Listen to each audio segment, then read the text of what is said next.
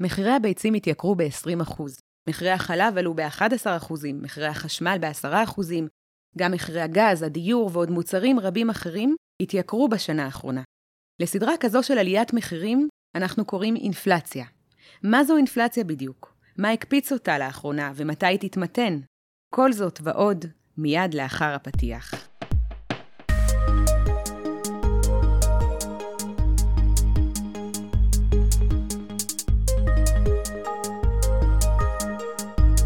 שלום וברוכים הבאים למחקר בשלוש קריאות, הפודקאסט של מרכז המחקר והמידע של הכנסת. אני אסנת אלגו מזרחי, ונמצא איתנו היום נתן שבע, חוקר במחלקה לפיקוח תקציבי.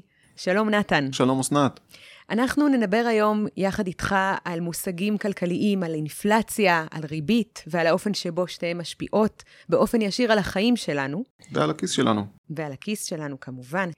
אה, ורק נציין שלמעשה אתה כתבת סדרה של מדריכים כלכליים שעוסקים במושגים בולטים בתחום הכלכלה, וכחלק מהסדרה הזאת שנקראת שמץ של מושג, גם עסקת באמת באופן שבו האינפלציה והריבית קשורות אחת לשנייה, משפיעות על החיים שלנו, ואנחנו נבקש ממך לעשות לנו איזשהו סדר בכל מה שקשור לתחומים האלה היום. אז נתחיל ברשותך בהגדרה הכללית. קודם כל נדבר על אינפלציה, מה זאת אינפלציה, מה ההבדל בינה לבין יוקר המחיה, נתחיל מההגדרות. אוקיי, okay, אז מה זה אינפלציה בעצם? אינפלציה זה עליית מחירים מתמשכת. מה שאנחנו רואים בתקופה האחרונה בעצם, שנה אחורה, אנחנו רואים שהמחירים עלו בחמישה אחוזים. רגע, כשאנחנו מדברים על מחירים, סליחה שאני קוטעת mm-hmm. אותך, אנחנו מתכוונים למחירים של מוצרי מזון, פיתוחים, אנחנו... דיור. כמעט כל מה שאת יכולה לחשוב עליו עלה בשנה האחרונה. למעט mm-hmm. אולי, אה, אפשר לבוא ולהגיד, אולי הריהוט ירד, בגדים ירדו, אבל mm-hmm. מחיר, המחירים של מוצרים רבים התייקרו, אם זה מחירי המזון, ראינו את מחירי הביצים אה, עולים ב-20 אחוזים, ראינו את מחירי החלב, החלב אה, הבשר והעופות, הרבה מהמוצרים התייקרו. איך זה משפיע בעצם על הכיס שלנו? מעל הכל קשה לנו יותר לקנות דברים. אבל בואו נתחיל עוד קודם, איך זה משפיע בעצם עלינו. קודם כל, אינפלציה שוחקת את ערך הכסף שלנו. Okay. מה אוקיי. שהיה שווה 100 שקלים, היום עם אותם 100 שקלים האלה, mm-hmm. אנחנו יכולים לקנות... הרבה פח, פחות. הרבה פחות מוצרים, בדיוק ככה. Mm-hmm. צריך להבדיל קודם כל בין שני מושגים, קודם כל יש לנו את יוקר המחיה, שזה בעצם רמת המחירים של המדינה לעומת מדינות אחרות. בעצם כמה אנחנו יקרים פה לעומת מדינות אחרות, אם זה אירופה, ארה"ב וכדומה. ויש לנו את האינפלציה. עכשיו, צריך להגיד, זה שהמחירים גבוהים באותה מדינה, זה לא בהכרח אומר שהאינפלציה גבוהה באותה מדינה. קחו למשל את שווייץ, שווייץ מדינה מאוד יקרה, אבל דווקא האינפלציה בשנים האחרונות הייתה שם נמוכה, לעומת שמדינות אחרות כמובן חוו בעלייה באינפלציה. לעומת זאת, ניגריה, יוקר המחיה שם נמוך, אבל האינפלציה שם גבוהה. כן. צריך לזכור שיוקר מחיה מיוחס גם למבנה המשק עצמו. לקוחות המונופוליסטים, mm-hmm. כמו שיש אצלנו, שיש פה מעט ספקים ששולטים אה, בחלק גדול, נגיד, משוק הצריכה ואז גם אין תחרות בהתאם. אין תחרות, וזה בין היתר מביא ל, לרמת מחירים גבוהה יותר. זה נובע גם מחסמי יבוא. יש דברים שגורמים לכך שרמת המחירים כאן גבוהה. רמת המחירים, שוב, ביחס למדינות אחרות, אחרות. מה שנקרא יוקר המחיה. זאת אומרת, לפי מה שאני מבינה ממך, נתן, אנחנו זכינו בכל הטוב הזה, גם ביוקר מחיה וגם באינפלציה מתמשכת. אז זה לא מדויק. Okay. אוקיי. יחסית בשנה האחרונה, המחירים כאן עלו, בשנה, בשנה וחצי האחרונות המחירים mm-hmm. כאן עלו פחות ממדינות אחרות, אם זה מדינות אירופה וארצות הברית. אז ככה שאת האינפלציה... אז זה מעניין, כן. אפשר להיות קצת אופטימיים. כן, כן. ראינו פה אה, באירופה ובארה"ב את שיעור האינפלציה מזנק בשנה ל, ל, לרמה של 10%, mm-hmm. בעוד בישראל היינו בחצי ברמה הזאת. אבל צריך לזכור שחלק גדול מהעלייה הזאת נבע ממחירי הגז, בעקבות המלחמה, המלחמה בין רוסיה לאוקראינה, שהציתה בעצם את מחיר הגז והעלתה את המחירים, ואת נגזרותיו של כל הדברים האלה, שבעצם גז בין היתר הוא גם חלק מגורם ייצוא, כן. ואת נגזרות של מוצרים נוספים. לעומת זאת כאן בישראל מחירי הגז אה, גבוהים בעקבות ההסכמים שיש לנו כאן את הגז הטבעי ולכן לא הושפענו מהעלייה האזורית שהייתה במחירי כמו... הגז ולכן שיעור האינפלציה כאן לא עלה. מצד שני כשראינו באירופה עכשיו את מחירי הגז יורדים, אה, גם החורף הם בסוף הם לא עלו כל כך כמו שחשבו כי החורף היה קצת חם, mm-hmm. ראינו את מחירי הגז חוזרים לרדת, גם את מחירי הנפט בארה"ב חוזרים לרדת, בעצם ראינו את האינפלציה יורדת בעקבותיה, אצלנו כאן המחירים נשארו פחות או יותר באותה רמה, בין היתר מהעובדה הזאת שלא הושפענו גם מאותה אה, השפעה של, של המלחמה, של, של הגז בעצם. כן. ומצד שלישי, גם צריך לזכור שיש נקודת התחלה שממנה מתחילים. נכון מאוד, רמת המחירים פה גם ככה גבוהה, ככה שלפעמים אומרים, לאן המחירים עוד יכולים עוד לאן עוד לעלות. נעלה, בדיוק, בדיוק מכאן ככה. לאן עוד נגיע. עכשיו, נכון. אני רוצה רק שגם כן נתעכב על הנושא של, אה, שוב, איך אני, כבן אדם, כצרכן פרטי, מושפעת מאינפלציה. למה בעצם אינפלציה נמוכה זה תנאי כל כך חשוב ליציבות, לצמיחה של המשק, ל, כמו שאמרנו, גם ל- לחיים של, שלנו ביום-יום. אז קודם כל, אפשר לחלק את זה לשתיים, אם זה לעסקים, אם זה לאנשים פרטיים. אם, אם זה עסקים, ברגע, אה, ברגע שגוף מסוים, או מוסד, או אה, משקיע, בא ומסתכל, אוקיי, אני עכשיו שם את הכסף, אני צופה איזשהו רווח מסוים בעוד עשר שנים. אם האינפלציה תהיה גבוהה מדי, כן. הערך שלו, של הכסף, יישחק. לא יהיה שווה לו להיכנס לאותה השקעה. אם, כן. אם הקצב האינפלציה פה חמישה, שבעה, שמונה אחוזים בשנה, כל שנה, אין כבר ערך לאותו משקיע לבוא ולהשקיע. זה בעולם העסקי. כן. עכשיו, מעבר לזה, יש לנו גם את הכיס הפרטי שלנו. אם הכסף שאני שם, ההשקעות. הפקדונות שלי, ההשקעות שלי נשחקות בעקבות האינפלציה, נגיד אם אני משקיע במשהו שהוא לא צמוד למדד, אם אני מקבל ריבית של חמישה אחוזים על אותו פיקדון, אבל האינפלציה הייתה בחמישה אחוזים או בשישה אחוזים, הרי אז שלא, מה- מה להפך, מזה? ריאלית, הרווחתי, לא, הפסדתי. כן. הכסף שלי שווה פחות בבנק, שמתי אותו בבנק והוא שווה פחות. מעל הכל צריך גם לזכור שאינפלציה היא גורמת בעצם להרחבת הפער בין השכבות החלשות לשכבות מהמם. החזקות יותר. כי הרבה מהכסף בעצם, או נתח גדול מה... מההוצאות. מההוצאות של השכבות החלשות, ממה שהן מרוויחות, הולך על, הולך על מזון ועל אה, כן. על דיור. הוצאות מחיה בסיסיות יותר. בדיוק, שהם בעצם אה, שני המוקדים העיקריים, נקרא לזה, שעלו בשנה, שנה וחצי האחרונות. צריך לזכור גם, שגם בהיבט כללי, להסתכל על המדינה, מרגע שיש אה, אינפלציה שהיא בשליטה, או שהמחירים פה נמצאים ב- ברמה סבירה, זה שומר באיזשהו מקום גם על איזושהי יציבות כלכלית ופוליטית של אותה מדינה.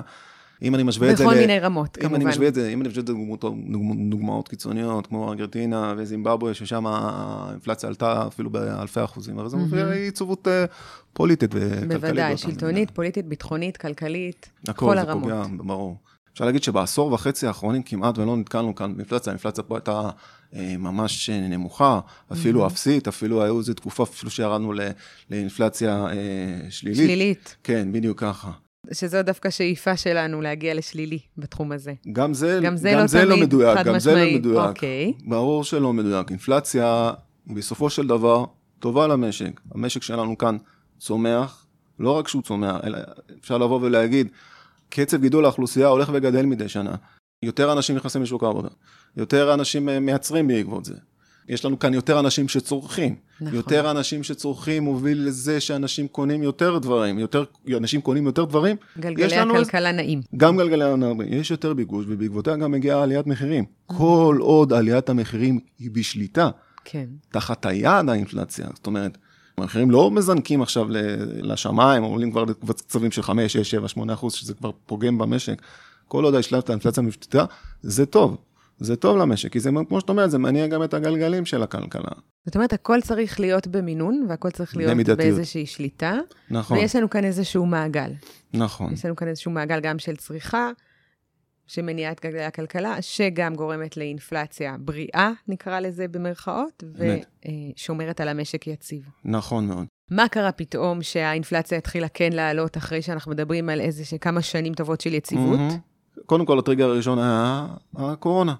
אז מהמם. מצד אחד באמת הייתה את הקורונה, אנשים ישבו בבית, התחילו לאגור כסף, במקביל גם התחילו לקבל כסף גם אה, מהמדינה, כפיצויים על זה אני שהם לא מדבר רק עובדים, פה, גם בעולם, היו תוכניות לתמוך באזרחים. נכון. המדינות עצמם שפכו המון כסף על השווקים על מנת לשמור עליהם ולייצר גם על אותם. העסקים בעצם, בדיוק ככה. עצמאים. ו- ואז אנשים שמרו את הכסף קרוב אליהם. עכשיו, מעבר לזה, מפעלים נסגרו, היה מחסור.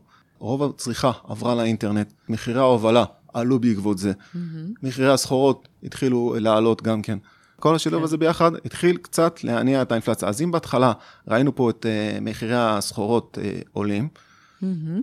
הצטרפו לזה אחרי זה גם המלחמה ברוסיה-אוקראינה, כן. ששם זה אחד מהיצרנים הגדולים בין היתר של החיטה, וראינו את נגזרות של הרבה מוצרים מתחילים לעלות בעקבות, גם כן בעקבות המלחמה. השילוב של קורונה, היציאה מהקורונה, שהגדילה את הביקושים, אנשים החזיקו כסף כי לא היה להם איפה לבזבז אותו, כי רוב הדברים היו, היו סגורים באותו זמן. מהמם. רץ לחפש מה לקנות. מצד שני, גם צד ההיצע לא עשה חסד עם הכל, כי ראינו את מחירי הסחורות עולים, וביחד איתו במקביל את ההשפעה של המלחמה. אבק השרפה הזה שמגיע מכל הכיוונים, ביקוש ומחסור בהיצע, גרם לכך פתאום שהאינפלציה התחילה אה, להרים ראש. לעלות, ואנחנו רואים את זה עכשיו. זאת אומרת, אנחנו הרבה פעמים נראה את זה בדיליי. אחרי תקופה בדיוק, של לפחות שנה וחצי או שנתיים. נכון. איך אנחנו בכלל מחשבים אינפלציה? איך אנחנו מחשבים עליית מחירים במשק? אז קודם כל מי שמחשב את זה, זה הלשכה המרכזית לסטטיסטיקה, פעם בחודש, ב-15 לחודש, בדרך כלל, אלא אם כן זה נופל בשבת או, בער, או בחג, אז יום קודם לכן מפרסמים את המדד עצמו. מדד המחירים לצרכן? אמת, בדיוק ככה. אוקיי. שוב, הוא בודק את שיעור השינוי באחוזים. שיעור השינוי של הסל שקנינו עכשיו לעומת החודש הקודם. רגע, בואו כן נגדיר רגע מהו מדד מחירים לצרכן. אז מדד כולל בעצם סל של מוצרים. אוקיי. במקרה של הלשכה המרכזית לסטטיסטיקה, היא לוקחת 1,300 אה, מוצרים ושירותים שונים שקיימים במשק. מהמם. אם אני משווה את זה בארצות הברית, מדובר בסל של 80 אלף מוצרים. וואה. אבל האמריקאים אוהבים הכל בגדול. מחשבים את זה כל חודש ורואים בעצם את השינוי לעומת החודש הקודם. פעם ב- עושים עדכון של הסל, לפי העדפות בעצם של אותם משקי בית. משקי בית. סקר שאנחנו מכירים בעצם שהלמ"ס עורכת, סקר משקי בית. סקר הוצאות משקי סקר בית, הוצאות משקי בית מהווה בסיס לאותו סל מוצרים. נכון. עכשיו, יש לנו מספר גורמים מרכזיים במדד, אם אני מסתכל. כן. המשקל הגבוה ביותר הוא על דיור. צריך להגיד, דיור במדד מחושב לפי שכר הדירה, או המקביל של. שכר הדירה. מי שיש לו דירה, אז המקביל, מה היה קורה אם הוא היה משכיר את הדירה. כי אם לא היית גר בדירה, היית צריך לשכור אותה. נכון. המשקל השני במדד זה סעיף המזון שכולל בתוכו גם את הירקות והפירות, מהמם. הוא מהווה כחמישית מהסל, אוקיי. דומה לו גם סעיף התחבורה והתקשורת, שגם הוא כן. מהווה כמעט חמישית. חמישית כן. מהסל. אמרנו גם קודם, חמישה אחוז, האינפלציה עלתה, אבל צריך לזכור שזה כולל את כל סל המוצרים. זאת אומרת, אנחנו לא קונים כל יום את אותו סל מוצרים שהמדד, את אותם 1,300 מוצרים שהמדד כולל נכון, בתוכו. חד משמעי. יכול- אנחנו לא אנחנו נקנה לא- כל יום ריהוט, ואנחנו גם לא לא, נטוס כל לא, יום לא. כנראה לחו"ל. אבל מצד שני אנחנו נבקר הרבה בסופר, בגלל זה הרבה פעמים כן. אומרים, מה זה המדד הזה, איך חמישה אחוז, שאני רואה פה את, ה, את אבקת הכביסה עולה בחמישה עשר אחוז, ואת החלב עולה בעשרה, איך יכול להיות שמגיעים לחמישה אחוז? מאותה סיבה שהוא כולל בתוכו את כל הסל של המוצרים, ככה שחלק מהם גם יורדים, כמו שאמרנו קודם, אבל בסופו של דבר זה מתקזז לאיזשהו ממוצע. ממוצע מסוים שכולל את כל סל. המוצרים. אז דיברנו על זה באמת שאנחנו כבר אחרי הקורונה, כן. ושכן חלה ירידה במחירי ההובלה ומחירי האנרגיה. למה בכל זאת האינפלציה כרגע נותרה מאוד גבוהה? בארץ, כן? אני מדברת על הארץ. אז קודם כל נכון. למרות הכל, אני אומר שני דברים. אחד, אנחנו רואים את המחירי המזון ממשיכים לעלות, כנראה בגלל הסכמים קודמים שיש להם, וכנראה בגלל שהם מרגישים שהם יכולים לעלות מחירים, כי הם לא נתקלים בינתיים מהתנגדות מהציבור, כמו שראינו כן. במחאת הקוטג', או מהממשלה, ממשלה. כל מיני הגבלות, או הם, משהו אנחנו כזה. מתכוונים ליצרני ליצרני- המזון, הם אנחנו. מתכוונים ליצרני המזון. אבל מעבר לזה, האינפלציה, אם ראינו אותה במחירי המזון, או במחירי הסחורות, ה commodities, מה שנקרא, ראינו אותה גם מתגלגלת אל מחירי השירותים. זאת אומרת, אנחנו רואים את שכר הדירה עולה, אנחנו רואים את הוצאות הביטוח עולות, אנחנו רואים את שירותי בעלי המקצוע. זאת אומרת שאין להם סחור- סחורות, הם מבקשים פשוט יותר כסף על העבודה שהם עושים. אם במחירי המזון, מה שמשפיע זה בעצם המחירי הסחורות, במחירי השירותים, מה שמשפיע זה מחיר שכר העבודה, עלות אוקיי. שכר העבודה. כן. ואנחנו רואים אותו כאן בעצם מתגלגל גם למחירי המוצרים. כלומר, ברגע שהאינפלציה כבר מתפשטת ממחירי הסחורות אל מחירי השירותים, נוספים. אנחנו רואים שהאינפלציה דביקה, sticky inflation, אינפלציה שקשה להיפטר ממנה. ולכן היא. בעצם מכונה אינפלציה דביקה, כן, מכיוון שהיא נשארת כל הזמן גבוהה. נכון. אה, ואיך כן, בכל זאת אנחנו כן יכולים למתן אותה? הכלי המ- המרכזי על מנת אה, להתמודד עם אה, האינפלציה זה העלאת ריבית של בנק ישראל. אז מה שראינו, מה שראינו את בנק ישראל מעלה את הריבית מרמה של עשירית האחוז במרץ 2022 לרמה של מגיעה כבר ל-4 אחוזים ו-75. מעבר לכך, אנחנו רואים פה את ההתעסקות של הדולר בחודשים האחרונים, הדולר עלה מרמות של אה, 3.30, 3.40, היום הוא נסחר ברמה של 3.70, זה עלייה של כמעט 10 אחוזים. נכון. צריך לזכור שהרבה מהמוצרים בישראל מיובאים, וגם אם Mhm. הם לא מיובאים, חומרי הגלם שלהם מיובאים והם נקובים בעצם בדולר, כן. וככל שמחירו של הדולר עולה, המחיר גם של משפיע המוצר... על המחיר כאן. כן, Mhm. וצריך לזכור שהאומדן של בנק ישראל מעריך שכל עלייה של אחוז אחד בדולר שקול לעלייה של חמישית אחוז במדד. ככה שככל שהדולר מתחזק, זה, זה פוגע, גם משפיע עלינו. זה, בדיוק. עכשיו, היו מגוון של סיבות שהובילו בסופו של דבר בחודשים האחרונים לעלייה של הדולר, זה תלוי בזרימת הכספים לארץ, לחוסר הוודאות שנגרמה בחודשים האחרונים, כל אלה גורמים לתנועות אה, לדולר ולהיחלשות אה, של השקל. וגם זהו, בעצם עוד סיבה לא, לאינפלציה. דיברנו על זה שאחד הכלים המרכזיים שיש לבנק, לבנק ישראל לצורך העניין, למתן את האינפלציה או לנסות לשלוט בה, זה ריבית, העלאת ריבית. אז אני רוצה שתסביר לנו מה הקשר בין הריבית לבין השינויים במחירים. למשל, אנחנו יכולים לדעת שבשנה וחצי האחרונות הריבית עלתה לפחות עשר פעמים, תקן אותי אם אני טועה.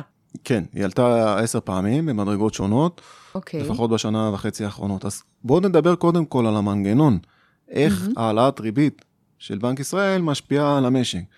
אז כן. קודם כל מה שראינו פה, שהאינפלציה עלתה. השימוש על מנת לעצור את האינפלציה עלתה כבר מעל יעד האינפלציה שהבנק מציב, בנק, בנק ישראל מציב יעד האינפלציה שהוא שהוא? נע בין אוקיי. אחוז לשלושה אחוז לשנה. אוקיי. ראינו פה כבר חריגה. זאת אומרת, הבנק משתדל לעמוד בטווח הזה, כן. ביעד הזה של בין ביעד. 1 ל-3 אחוזים אמת. בשנה. בדיוק ככה. ו... עברנו את היעד עברנו הזה. את היעד הזה. כשהוא רואה שהמשק כבר אה, מתחיל, אה, או שהאינפלציה אה, מתחילה לעלות, הוא מהמם. מתחיל להעלות את הריבית שהייתה שוב בשפל היסטורי ושנים ארוכות. בואו נדבר רגע על החברות העסקיות. אם הריבית עולה, הוצאות כן. המימון בעצם, ההלוואות של עולות. העסקים עולות, יותר מתייקרות. קשה להתמודד עם העלייה בהוצאות, מה עושות החברות? מתחילות או להפחית שכר, או כן. לפטר עובדים. אנשים. עובדים, כן. בדיוק ככה. האבטלה מתחילה לעלות, השכר יורד, יש פגיעה בביטחון התעסוקתי, פחות קונים, כי יש. אנשים יותר שלא עובדים, הצמיחה מתחילה לרדת, אם קונים פחות, המחירים מתחילים לרדת. אוקיי. עכשיו המחירים מתחילים לרדת, האינפלציה מתחילה לרדת, אוקיי, עכשיו העסקים יכולים לקחת יותר הלוואות, כי הריבית היא נמוכה, הם מגדילים השקעות, הם מתחילים לגייס עובדים, כי יותר קל להם עכשיו כרגע, כי השכר נמוך. אבל זה שלב שקורה מהמם. אחרי שהעלינו את הריבית. שכבר, אחרי שהעלינו את הריבית. ועברנו כן, כמה גלגלים עברנו גלגל אחד, בתהליכים שתיארת. המשכנו, כן, כן. באותו גלגל אנחנו, אנחנו כן. יוצאים על אותו גלגל, כן. אבל אנחנו עוברים בשלבים. שלבים. אנחנו מגיעים כבר לסייקל השני, זאת אומרת, לצורך מהמם. העניין, עלות ההלוואות יורדת, אפשר כבר לגייס עובדים, לבצע, לבצע יותר השקעות, מגייסים עובדים, אז קונים יותר, קונים מהמם. יותר, כי יש, יש יותר אנשים שעובדים, קונים יותר, המחירים שוב מתחילים לעלות, ואז הריבית. עולה. זה הגלגל של הכלכלה. כן. עכשיו צריך לזכור, יש לנו גם את ההשפעה על המשקי הבית, או על ה... נכון. ה- על הכיס. שלנו, שוב, כאנשים ככה. פרטיים. נכון מאוד, הכלי של הריבית נועד שנפסיק לקנות. בראש ובראשונה שאנחנו נפסיק לקנות, יותר קשה לנו לקנות. כי אה, ברגע שהריבית עולה, אז הוצאות המשכנתה שלנו עולות, לא רק זה, אנחנו נראה ריבית יותר גבוהה בבנקים. כן. עכשיו, אם הוצאות המשכנתה שלנו עולות, מה שאומר שאנחנו נותנים גם פחות דברים אחרים, נכון? וגם החזרי ההלוואות שלנו עולים. נכון מאוד, אז אנחנו לא נוכל וגם לעמוד סדר ולקנות עכשיו. העדיפויות שלנו ישתנה. נשתנה, אנחנו שוב. נהיה צמודים יותר לדברים החשובים לנו באמת, נכון. ופחות אה, נוציא כסף על מותרות. נכון. מעבר לכך, מי שיש לו כסף יכול לשים יותר את הכסף בבנק, כי הוא מקבל ריבית יותר גבוהה. ברגע שהוא מקבל יותר, כן, ברגע שהוא חוסך. יותר, מהמם. אז הוא פחות מוציא, בדיוק, על הפיקדון מקבל ריבית יותר גבוהה, ברגע שהוא חוסך יותר, הוא פחות יוציא כסף. ברגע שקונים פחות, וברגע שהציבור משקיע יותר כסף בבנק, שני המהלכים האלה ביחד מובילים לכך שאנחנו קונים פחות, וכמו שאומרים, תמיד, כשיש ביקוש נמוך יותר, אז המחירים מחירים יורדים. יורדים. בדיוק ככה. אז פה סגרנו גם את המעגל של העסקי, וגם את המעגל של האדם אבל הפרטי. הצרכן הפרטי, אבל באתי. בעצם אה, אה, רציתי לשאול אותך, שוב, אז מוביל. למה בכל זאת. עשר פעמים מעלים ריבית? אז קודם כל צריך לזכור שריבית זה כלי מאוד חזק. אי אפשר לבוא ולהקפיץ את הריבית עכשיו מאחד, בבת אחת. כי זה אוקיי. פוגע מאוד בכלכלה, זה פוגע בהכל. כן. דבר שני, אה, אתה מעלה ריבית, בנקים הם זהירים בהעלאות, כי הם לא רוצים, כמו שאת אומרת, לפגוע במשק, אבל גם כשמעלים ריבית, הם בודקים, מרגישים מה קורה, אוקיי, מה, מקבלים עוד ועוד נתונים על המשק במהלך החודש, ומחליטים מה זאת לעשות אומרת, הלאה. הם עם אצבע על הדופק כל הזמן. כן. צריך גם לזכור שתהליך של העלאות הריבית, הוא קיים גם בארץ וגם בעולם, בגלל שאנחנו משק פתוח וכל המשקים היום פתוחים, זה הולך יד ביד. אם הריבית בארצות הברית עולה, גם הריבית בישראל עולה. אנחנו לא יכולים להיות כן. מנותקים אחד מהשני. גם בארצות הברית וגם בבנקים המרכזיים בעולם ממשיכים להעלות ריבית. אנחנו לא יכולים לבוא ולהתנתק מזה, זה גם אחת הסיבות לכך שהריבית פה עדיין ממשיכה לעלות, אבל לחצי האינפלציה עדיין קיימים, וזו הסיבה המרכזית. שהבנק המרכזי ממשיך ולהעלות אה, ריבית. ההחלטה האחרונה של הנגיד הותירה את הריבית באותה רמה, כן. שההחלטה האחרונה שפורסמה בחודש יולי, הותירה את הריבית לראשונה ברמה של 4.75 אחוז, אחרי שראינו 10 העלאות ריבית. כן. כי, הנגיד אומר שבינתיים בשלב הזה כדאי לעצור ולראות איך אנחנו uh, מתקדמים הלאה. ראינו התמתנות מסוימת uh, באינפלציה בנתונים האחרונים שפורסמו בחודש מאי, וראינו גם קצת את הדולר נעצר. אז ככה שהחליט בינתיים לעצור. גם מעל הכל צריך לזכור שגם הריבית כבר הגיעה לרמה יחסית אה, גבוהה. גבוהה, נכון, הרי אנחנו מדברים בעצם בשנה וחצי האחרונות על עלייה של מ-0.1 אחוזים נכון. ל-4.75 אחוזים. באמת. ועדיין האינפלציה לא יורדת. למה, את שואלת? למה? אז צריך להבין שכל המהלכים האלה לוקחים זמן. מחקרים שעשו על 30 אה, מדינות מצאו שהחל, לוקח 29 חודשים החל מרגע מהעלאת הריבית הראשונה, עד, עד שהמח... שבאמת עד, זה משפיע. עד שהמחירים באמת מגיעים אה, לשפל ונעצרים. כן, ש... 29 חודשים בממוצע. כן. אנחנו מדברים בערך על שנתיים וחצי. כן, ככה שלוקח זמן. צריך לזכור, דיברנו על שוק העבודה, אז עסקים לא ממהרים לפטר עובדים. לוקח כן. זמן גם לגייס אותם, לוקח זמן להכשיר אותם, וגם mm-hmm. צרכנים, כמוני כמוך. כן. אנחנו לא, ברגע שהמשכנתה שלנו עלתה, ולא כבר בשקל הראשון שעלה, אז נגיד, אוקיי, כבר נתחיל לצמצם. אנחנו עכשיו את לא, כל החגורה, כן, מצמצמים את החגורה. לוקח זמן עד שאנחנו מחליטים באמת לצמצם את ההוצאות, כן. וגם לעסקים לוקח זמן עד שהם באמת אומרים זה, בהתחלה הם סופגים את, את ההוצאות המימון כן. הגדולות יותר. ככה שכל המהלכים האלה לוקחים יותר איטיים. לוקחים זמן. שבאמת אה, יש להם אפקט מצטבר, אבל זה לוקח זמן. אמת. נתן, אנחנו מתקרבים ממש לקראת סיום, ואני רוצה רק לשאול אותך, הנה, אנחנו נמצאים עכשיו ביולי 23. באמת מעניין אותי לשאול, מה אתה צופה, לאן פנינו? האם אנחנו יכולים אה, כן לצפות איזושהי מגמה שהבנק המרכזי יפסיק להעלות את הריבית בתקופה הקרובה? אז א', אני לא רוצה להיכנס לתחזיות, כי באמת אה, תחזיות, את יודעת למי ניתנו. הנבואה ניתנה ל... דבר כן. שני, אני מניח שבנק ישראל צופה ויקבל עוד ועוד נתונים, על, על מה שקורה, ואז לפי זה הוא יחליט. Mm-hmm. צריך לזכור שאנחנו לא מנותקים מהעולם, אנחנו תלויים גם בדברים אחרים שקורים לעולם, בהעלאות ריבית בארצות הברית, שם עוד פעם מדברים על העלאות ריבית, ככה שבשלב הזה אפשר לשאוב, אולי להסתמך על הדברים של הנגיד, שאמר שבשלב הזה הריבית תישאר גבוהה לטווח ארוך, ככה שירידות ריבית לא נראה בקרוב. מעל הכל, הבנק המרכזי שואף בסופו של דבר שהאינפלציה תחזור אל תוך היעד, או לפחות שהאינפלציה החזויה תהיה נמוכה מה, מהריבית הנהוגה בשוק. כרגע הריבית הנהוגה בשוק אה, היא 4.75 כמו שאמרנו, מדברים על אינפלציה שנה קדימה של 3 אחוז, mm-hmm. לפחות ברמה הזאת אנחנו עומדים בינתיים אה, ביעד.